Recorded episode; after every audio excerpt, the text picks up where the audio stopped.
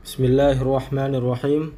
Assalamualaikum warahmatullahi wabarakatuh. Halo, kembali lagi bersama kita di podcast Salim dan Zakaev.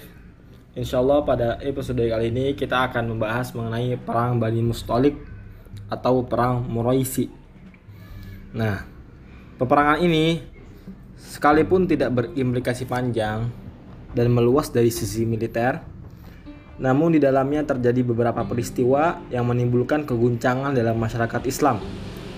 Tersingkapnya kedok orang-orang munafik, disyariatkannya hukum ta'zir yang memberi masyarakat Islam gambaran khusus tentang Nabi, kehormatan dan kesucian jiwa. Pertama-tama Ani akan paparkan tentang peperangan ini, kemudian tentang peristiwa-peristiwa tersebut bersama dengan Abo. Nah, perang ini menurut pendapat yang paling sahih terjadi pada tahun 6 Hijriah Penyebabnya adalah karena Rasulullah Shallallahu Alaihi Wasallam mendengar informasi bahwa pemimpin Bani Mustalik yaitu Al Harith bin Abi Dirar bersama pasukannya, bersama kaumnya dan orang-orang yang berada di bawah pengaruhnya berangkat untuk memerangi Rasulullah Shallallahu Alaihi Wasallam. Akhirnya beliau kemudian mengirimkan Buraidah bin Al Hawib Al Aslami untuk memastikan informasi tersebut. Buraidah kemudian mendatangi mereka dan menemui Al-Harith serta berbicara dengannya. Setelah itu ia pulang dan menyampaikan hasilnya kepada Rasulullah Shallallahu Alaihi Wasallam. Setelah merasa yakin terhadap kebenaran informasi tersebut, Rasulullah Shallallahu Alaihi Wasallam menganjurkan kepada para sahabatnya untuk segera keluar untuk mengantisipasi dan menghadapi mereka.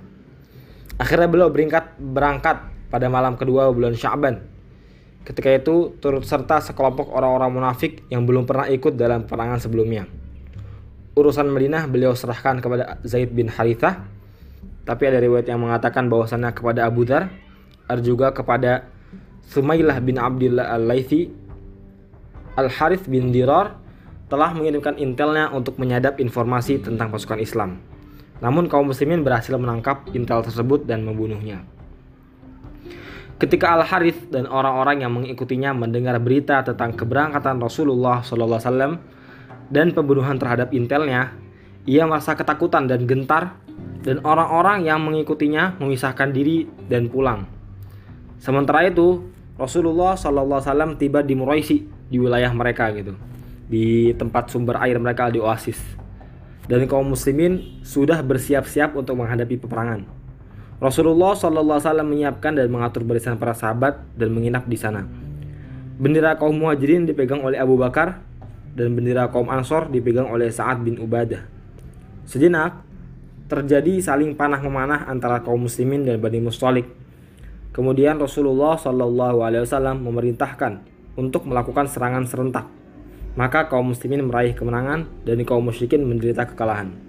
Korban pun akhirnya berjatuhan. Sedangkan Rasulullah SAW berhasil membawa kaum wanita, anak-anak, dan binatang ternak sebagai harta rampasan. Di antara kaum muslimin, hanya seorang yang terbunuh. Itu pun dibunuh oleh salah seorang dari kaum Ansor yang mengira itu musuh. Jadi salah salah friendly fire gitu loh bahasa kalau zaman perang sekarang.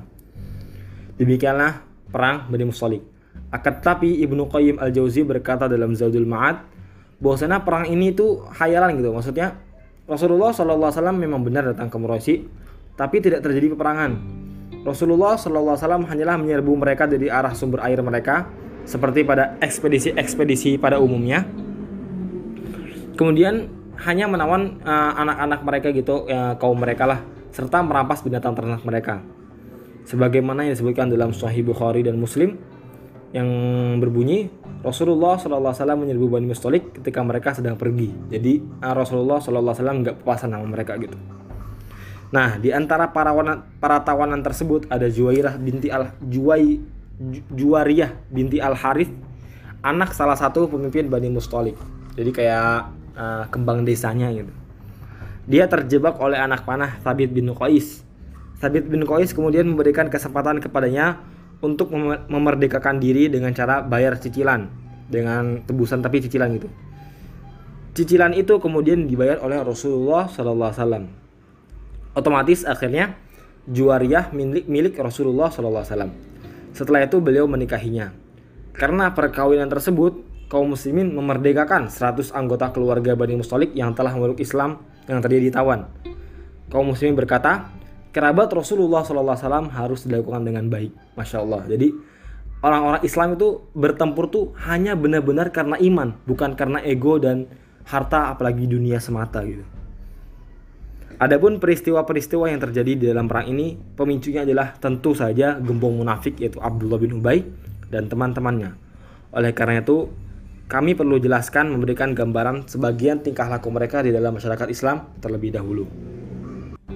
Nah, sebagaimana yang sudah aneh sebutkan dalam beberapa episode sebelumnya berkali-kali, bahwasannya Abdullah bin Ubay yaitu gembong munafik menyimpan kemarahan terhadap Islam dan kaum muslimin, terutama terhadap Rasulullah Shallallahu Alaihi Wasallam. Mengapa demikian? Sebab dahulu kabilah Aus dan Khazraj sebelumnya yang pernah perang saudara itu telah bersepakat untuk menjadikan Abdullah bin Ubay ini sebagai pemimpin mereka. Namun setelah Islam datang kepada mereka, mereka berpaling dari Abdullah bin Ubay sehingga ia memandang Rasulullah SAW sebagai orang yang telah merampas kekuasaannya gitu. Permusuhan ini telah tampak sejak awal Rasulullah SAW hijrah ke Madinah. Sebelum berpura-pura masuk Islam dan sesudahnya, Dikisahkan suatu ketika Rasulullah Wasallam mengendarai keledai untuk menjenguk saat bin Ubadah yang waktu sedang sakit. Beliau kemudian melewati suatu majelis yang di dalamnya ada Abdullah bin Ubay. Maka Abdullah bin Ubay marah dan berkata, Janganlah kalian buat kami cemburu. Dan ketika Rasulullah Wasallam membacakan Al-Quran kepada majelis tersebut, Abdullah bin Ubay berkata lagi, Duduklah di rumahmu saja dan janganlah mencegah kami di majelis-majelis kami. Nah demikianlah sikapnya sebelum berpura-pura masuk Islam. Setelah berpura-pura masuk Islam, yaitu setelah perang Badar, ia tetap menjadi musuh Allah dan Rasulnya. Dia senantiasa berpikir untuk menghancurkan masyarakat Islam dan merendahkan Islam. Ia juga memberikan pertolongan dan dukungan kepada musuh-musuh Islam. Sebagaimana yang telah Anda sebutkan pada episode-episode sebelumnya, ia ikut terlibat dalam persoalan Bani Qainuqa Yahudi. Demikian pula dalam perang Uhud, ia telah melakukan pengkhianatan dan memecah belah kaum muslimin serta menimbulkan kekacauan dalam barisan kaum muslimin. Karena hebatnya tipu daya sang munafik ini terhadap orang-orang mukmin, setelah ia berpura masuk Islam, uh, ia juga mempunyai hubungan dengan Bani Nadir.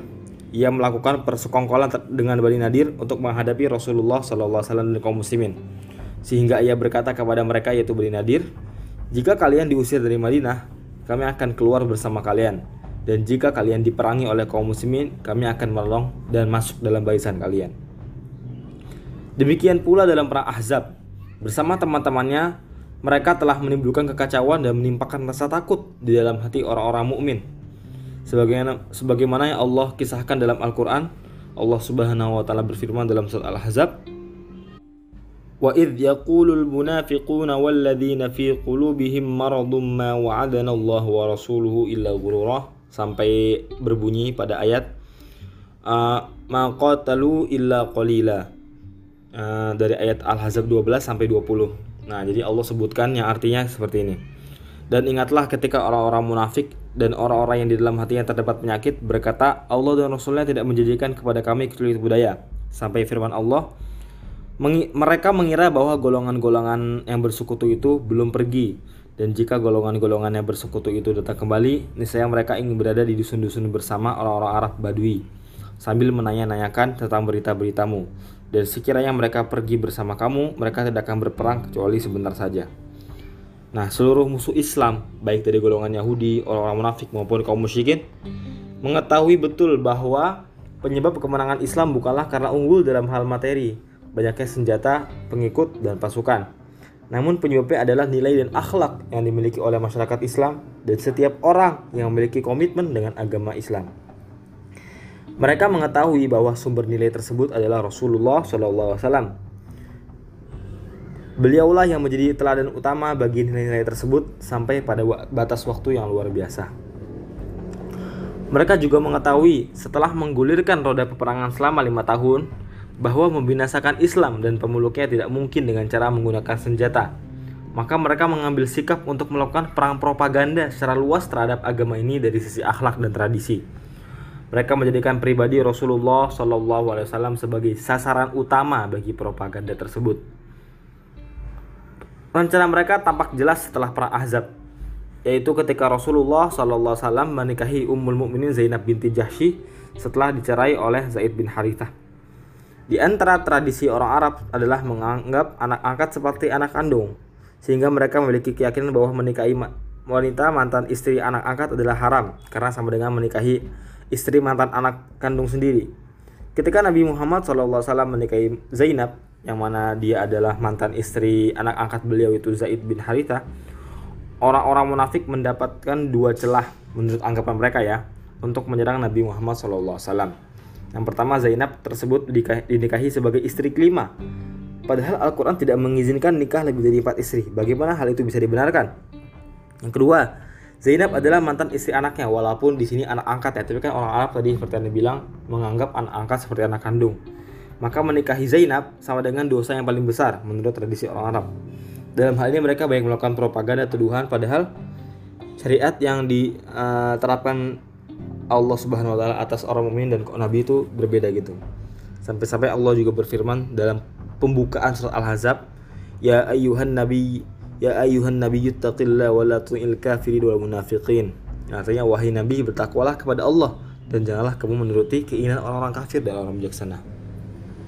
Ini merupakan isyarat dan bentuk miniatur dari perbuatan orang-orang munafik sebelum perang Bani Mustalik. Semuanya itu dihadapi oleh Nabi Muhammad SAW dengan penuh kesabaran dan kelemah lembutan. Fitnah-fitnah, hoax, dan banyak propaganda yang dituduhkan kepada Nabi Muhammad SAW sudah banyak diterima oleh beliau gitu.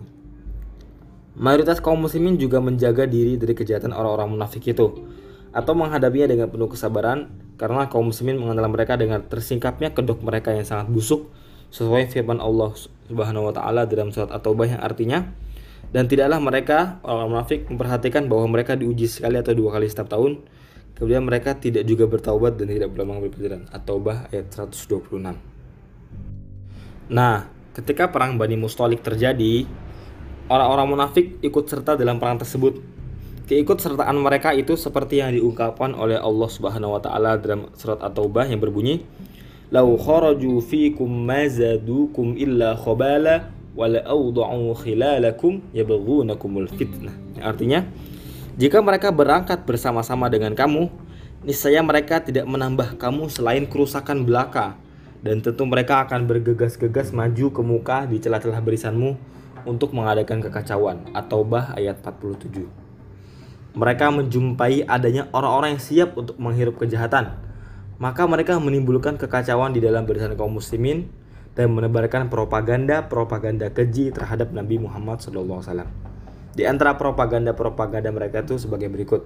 Ini pada saat di Musolik ya, dan pasca juga. Yang pertama, perkataan orang-orang munafik. Mereka berkata, La in raja'na ilal Madinah la yukhrijanna al-a'azzu minhal adal. Ya artinya sesungguhnya jika kita telah kembali ke Madinah, orang-orang yang kuat benar-benar akan mengusir orang-orang yang lemah dari Madinah. Seusai perang, Rasulullah Shallallahu Alaihi Wasallam bermukim di Muraisi di tempatnya Bani Mustalik gitu, di tempat wilayahnya. Orang-orang pun kemudian mendatangi sumber air. Ketika itu pembantu Umar yang bernama Jahjah al-Ghifari berebut dengan Sinan ibnu Wabar al-Juhani untuk mendapatkan air, sehingga terjadi perkelahian, antara keduanya. Al-Juhani ber, kemudian berteriak meminta tolong, wahai kaum Ansor, karena Al-Juhani ini orang Ansor. Jahja juga berteriak, wahai kaum Muhajirin, karena Jahja ini orang Muhajirin, orang asli Makkah. Maka Rasulullah SAW pun berkata, Apakah kalian mengungkapkan seruan-seruan jahiliyah sementara aku berada di tengah-tengah kalian? Tinggalkanlah seruan-seruan tersebut karena itu adalah keji. Hal itu sampai ke telinga Abdullah bin Ubay sehingga ia marah sementara di sisinya terhadap terdapat sekelompok sekelompok kaumnya yang di antara mereka terdapat Zaid bin Arqam dan berkata, ini artinya mereka telah melakukannya. Mereka telah musuhi dan menyaingi kami di negeri kami. Ini kata Abdullah bin Ubay ya. Antara kami dan mereka tidak lain seperti pepatah yang mengatakan, Gemukkan singamu, ia akan memakanmu. Demi Allah, jika kita kembali ke Madinah, orang yang kuat pasti akan mengusir orang-orang yang lemah dari Madinah. Jadi maksudnya Abdullah Ubay ini sangat benci kepada orang-orang muhajirin uh, yang ada di Madinah gitu sehingga ia ingin uh, memecah belah kaum muslimin sehingga orang-orang Ansor membantu dia untuk mengusir kaum muhajirin dari Madinah. Setelah itu ia menghadap kepada orang-orang yang ada di sisinya itu orang-orang Ansor dan berkata kepada mereka, inikah yang inilah yang kalian lakukan terhadap diri kalian sendiri. Apakah kalian menghalalkan negeri kalian terhadap mereka dan membagikan harta kalian kepada mereka? Demi Allah, seandainya kalian menahan hak milik kalian terhadap mereka, mereka akan pasti berpindah ke negeri lain di luar negeri kalian. Zaid bin Arqam kemudian menyampaikan berita tersebut kepada pamannya dan pamannya menyampaikan kepada Rasulullah SAW.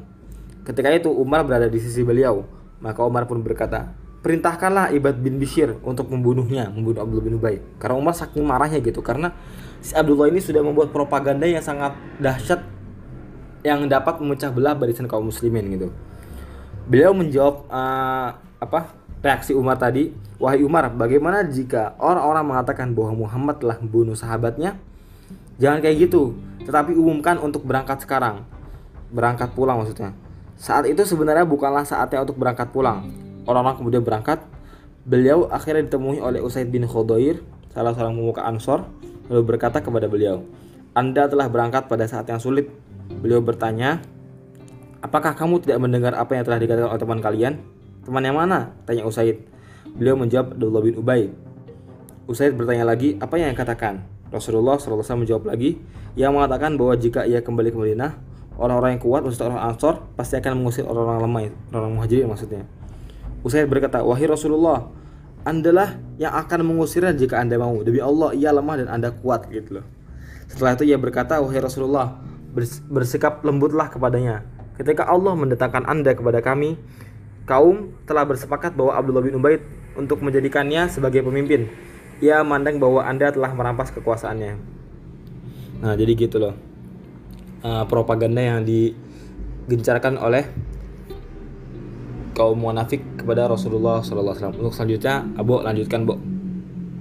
Oke Pi, aneh lanjutin. Jadi di perang Al-Muraisi atau Bani Mustalik ini terdapat sebuah peristiwa besar yang kita semua juga udah tahu atau peristiwa ini cukup terkenal yaitu peristiwa hadithul ifki atau berita bohong.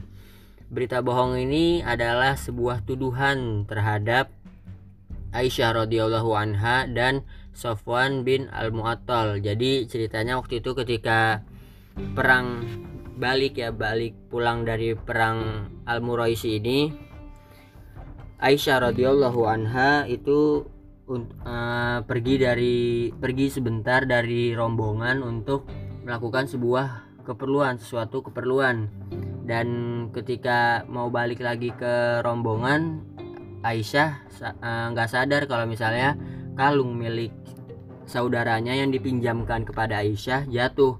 Dan akhirnya Aisyah mencari lagi ke tempat jatuh jatuhnya kalung itu. Dan pas ketika balik lagi ke tempat rombongan uh, rombongannya ini udah nggak ada udah pergi. Dan yang membawa tandu Aisyah itu nggak sadar kalau misalnya Aisyah nggak ada di dalam tandu. Dan akhirnya Aisyah duduk di situ hingga tertidur dan ketika itu tak lama kemudian datang Sofwan bin Al-Mu'attal dan Aisyah terbangun karena Sofwan bin Al-Mu'attal ini. Dan Sofwan bin Al-Mu'attal dengan Aisyah radhiyallahu anha ini ketika perjalanan tidak terjadi percakapan apa-apa, semuanya satu sama lain saling diam. Dan ketika akhirnya sampai rombongan eh, berhasil menyusul rombongan barulah terdengar uh, desas-desus atau gosip yang dibuat oleh orang-orang terhadap Aisyah radhiyallahu anha dan Sofwan bin Al-Mu'attal. Dan yang paling gencar dalam menyebarkan berita bohong ini adalah pemimpin orang munafik yaitu Abdullah bin Ubay dan juga orang-orang munafik juga gencar untuk menyebar luaskan berita bohong ini. Sementara itu Aisyah sendiri nggak tahu soal berita bohong ini. Uh, pas sampai di Madinah, Aisyah sendiri jatuh sakit selama satu bulan. Dan juga selama sakit itu Aisyah merasa Rasulullah Shallallahu Alaihi Wasallam tidak memberikan perhatian seperti biasanya ketika Aisyah sedang sakit. Dan menurut Aisyah Rasulullah Shallallahu Alaihi Wasallam lebih cuek terhadap Aisyah ketika Aisyah sakit ini dan waktu itu Aisyah tahu tentang berita bohong ini ketika dikasih tahu atau diberitahu oleh Ummu Mithah. Dan ketika Aisyah radhiyallahu anha tahu tentang berita bohong ini, Aisyah langsung menangis sejadi-jadinya. Dan Aisyah meminta izin kepada Rasulullah Shallallahu Alaihi Wasallam untuk kembali ke rumah orang tuanya. Dan Rasulullah Shallallahu Alaihi Wasallam pun mengizinkannya. Ketika Aisyah radhiyallahu anha mengetahui tentang berita bohong ini, Aisyah tidak berhenti menangis selama sehari dua malam. Ketika itu Rasulullah Shallallahu Alaihi Wasallam meminta langsung kepada Aisyah tentang kejelasan berita bohong ini atau peristiwa yang tersebar ini. Dan akhirnya Allah Subhanahu wa taala memberitahukan atau menurunkan wahyu tentang berita bohong ini dan membersihkan semua tuduhan terhadap Aisyah radhiyallahu anha dan Sofwan. Dan ini wahyunya ada di surat An-Nur ayat 11 sampai 9 ayat berikutnya. Dan akhirnya berita bohong itu pun telah selesai dan orang-orang yang gencar untuk menyebarkan berita bohong ini diberi hukuman pukul sebanyak 80 kali pukulan. Mereka adalah Misha bin Usasah, Hasan bin Sabit, dan Hammah binti Jahshi. Tetapi di peristiwa hadisul ifki ini Abdullah bin Ubay tidak diberi hukuman. Nah, jadi itu tentang hadisul ifki. Lalu kita lanjut ke pengiriman satuan-satuan pasukan setelah perang Al-Muraisi atau Bani Mustalik. Yang pertama ada pengiriman satuan pasukan yang dipimpin oleh Abdurrahman bin Auf ke perkampungan Bani Kalb pada tahun 6 Hijriah bulan Syakban di Daumatul Jandal. Di sini Abdurrahman bin Auf mendap menikahi uh, Ummu Abi Salamah yaitu putri pemimpin Bani Kalb. Dan juga ada yang kedua satuan pasukan Ali bin Abu Thalib ke Bani Sa'ad bin Bakar di Fadak pada tahun uh, 6 Hijriah pada bulan Syakban. Uh, ini tuh pengiriman satuan Ali bin Abi Thalib ini bermula ketika Rasulullah Shallallahu Alaihi Wasallam mendengar informasi bahwasannya orang-orang Bani Sa'ad bin Bakar akan menjalin hubungan kerjasama dengan orang-orang Yahudi Khaybar dan ketika itu Rasulullah Shallallahu Alaihi Wasallam langsung mengirimkan Ali bin Abi Thalib Lalu yang ketiga ada satuan pasukan Abu Bakar As-Siddiq yang dikirim pada bulan Ramadan tahun 6 Hijriah ke Wadil Qura Lalu ada satuan pasukan Kurs bin Jabir Al-Fihri ke penduduk Urainah pada bulan Syawal 6 Hijriah. Kalau satuan pasukan Kurs bin Jabir Al-Fihri ini bermula ketika waktu itu ada dari penduduk Urainah dan Ukal waktu itu yang pura-pura masuk Islam terus tinggal di Madinah dan ketika tinggal di Madinah itu mereka jatuh sakit dan akhirnya Rasulullah Shallallahu Alaihi Wasallam menyuruh mereka untuk meminum susu onta dari sebuah peternakan onta dan akhirnya mereka sembuh lalu membunuh para pengembala ontanya dan merampas onta-ontanya. Lalu Rasulullah Shallallahu Alaihi Wasallam mengutus kurs bersama 20 sahabat untuk mengejar dan mencari mereka. Dan untuk kemalangan orang-orang kurs ini Rasulullah Shallallahu Alaihi Wasallam berdoa ya Allah buatlah mereka bingung tidak mengetahui jalan. Buatlah jalan itu lebih sempit dari pergelangan tangan. Dan akhirnya kurs bersama satuan pasukannya berhasil mendapatkan mereka dan sebagai hukuman kisos atas perbuatan mereka kaki dan tangan mereka dipotong dan mata mereka dicongkel lalu mereka dibiarkan begitu saja dihamparkan di padang pasir hingga mati. Hadis tentang mereka ada di dalam As-Sahih riwayat Anas.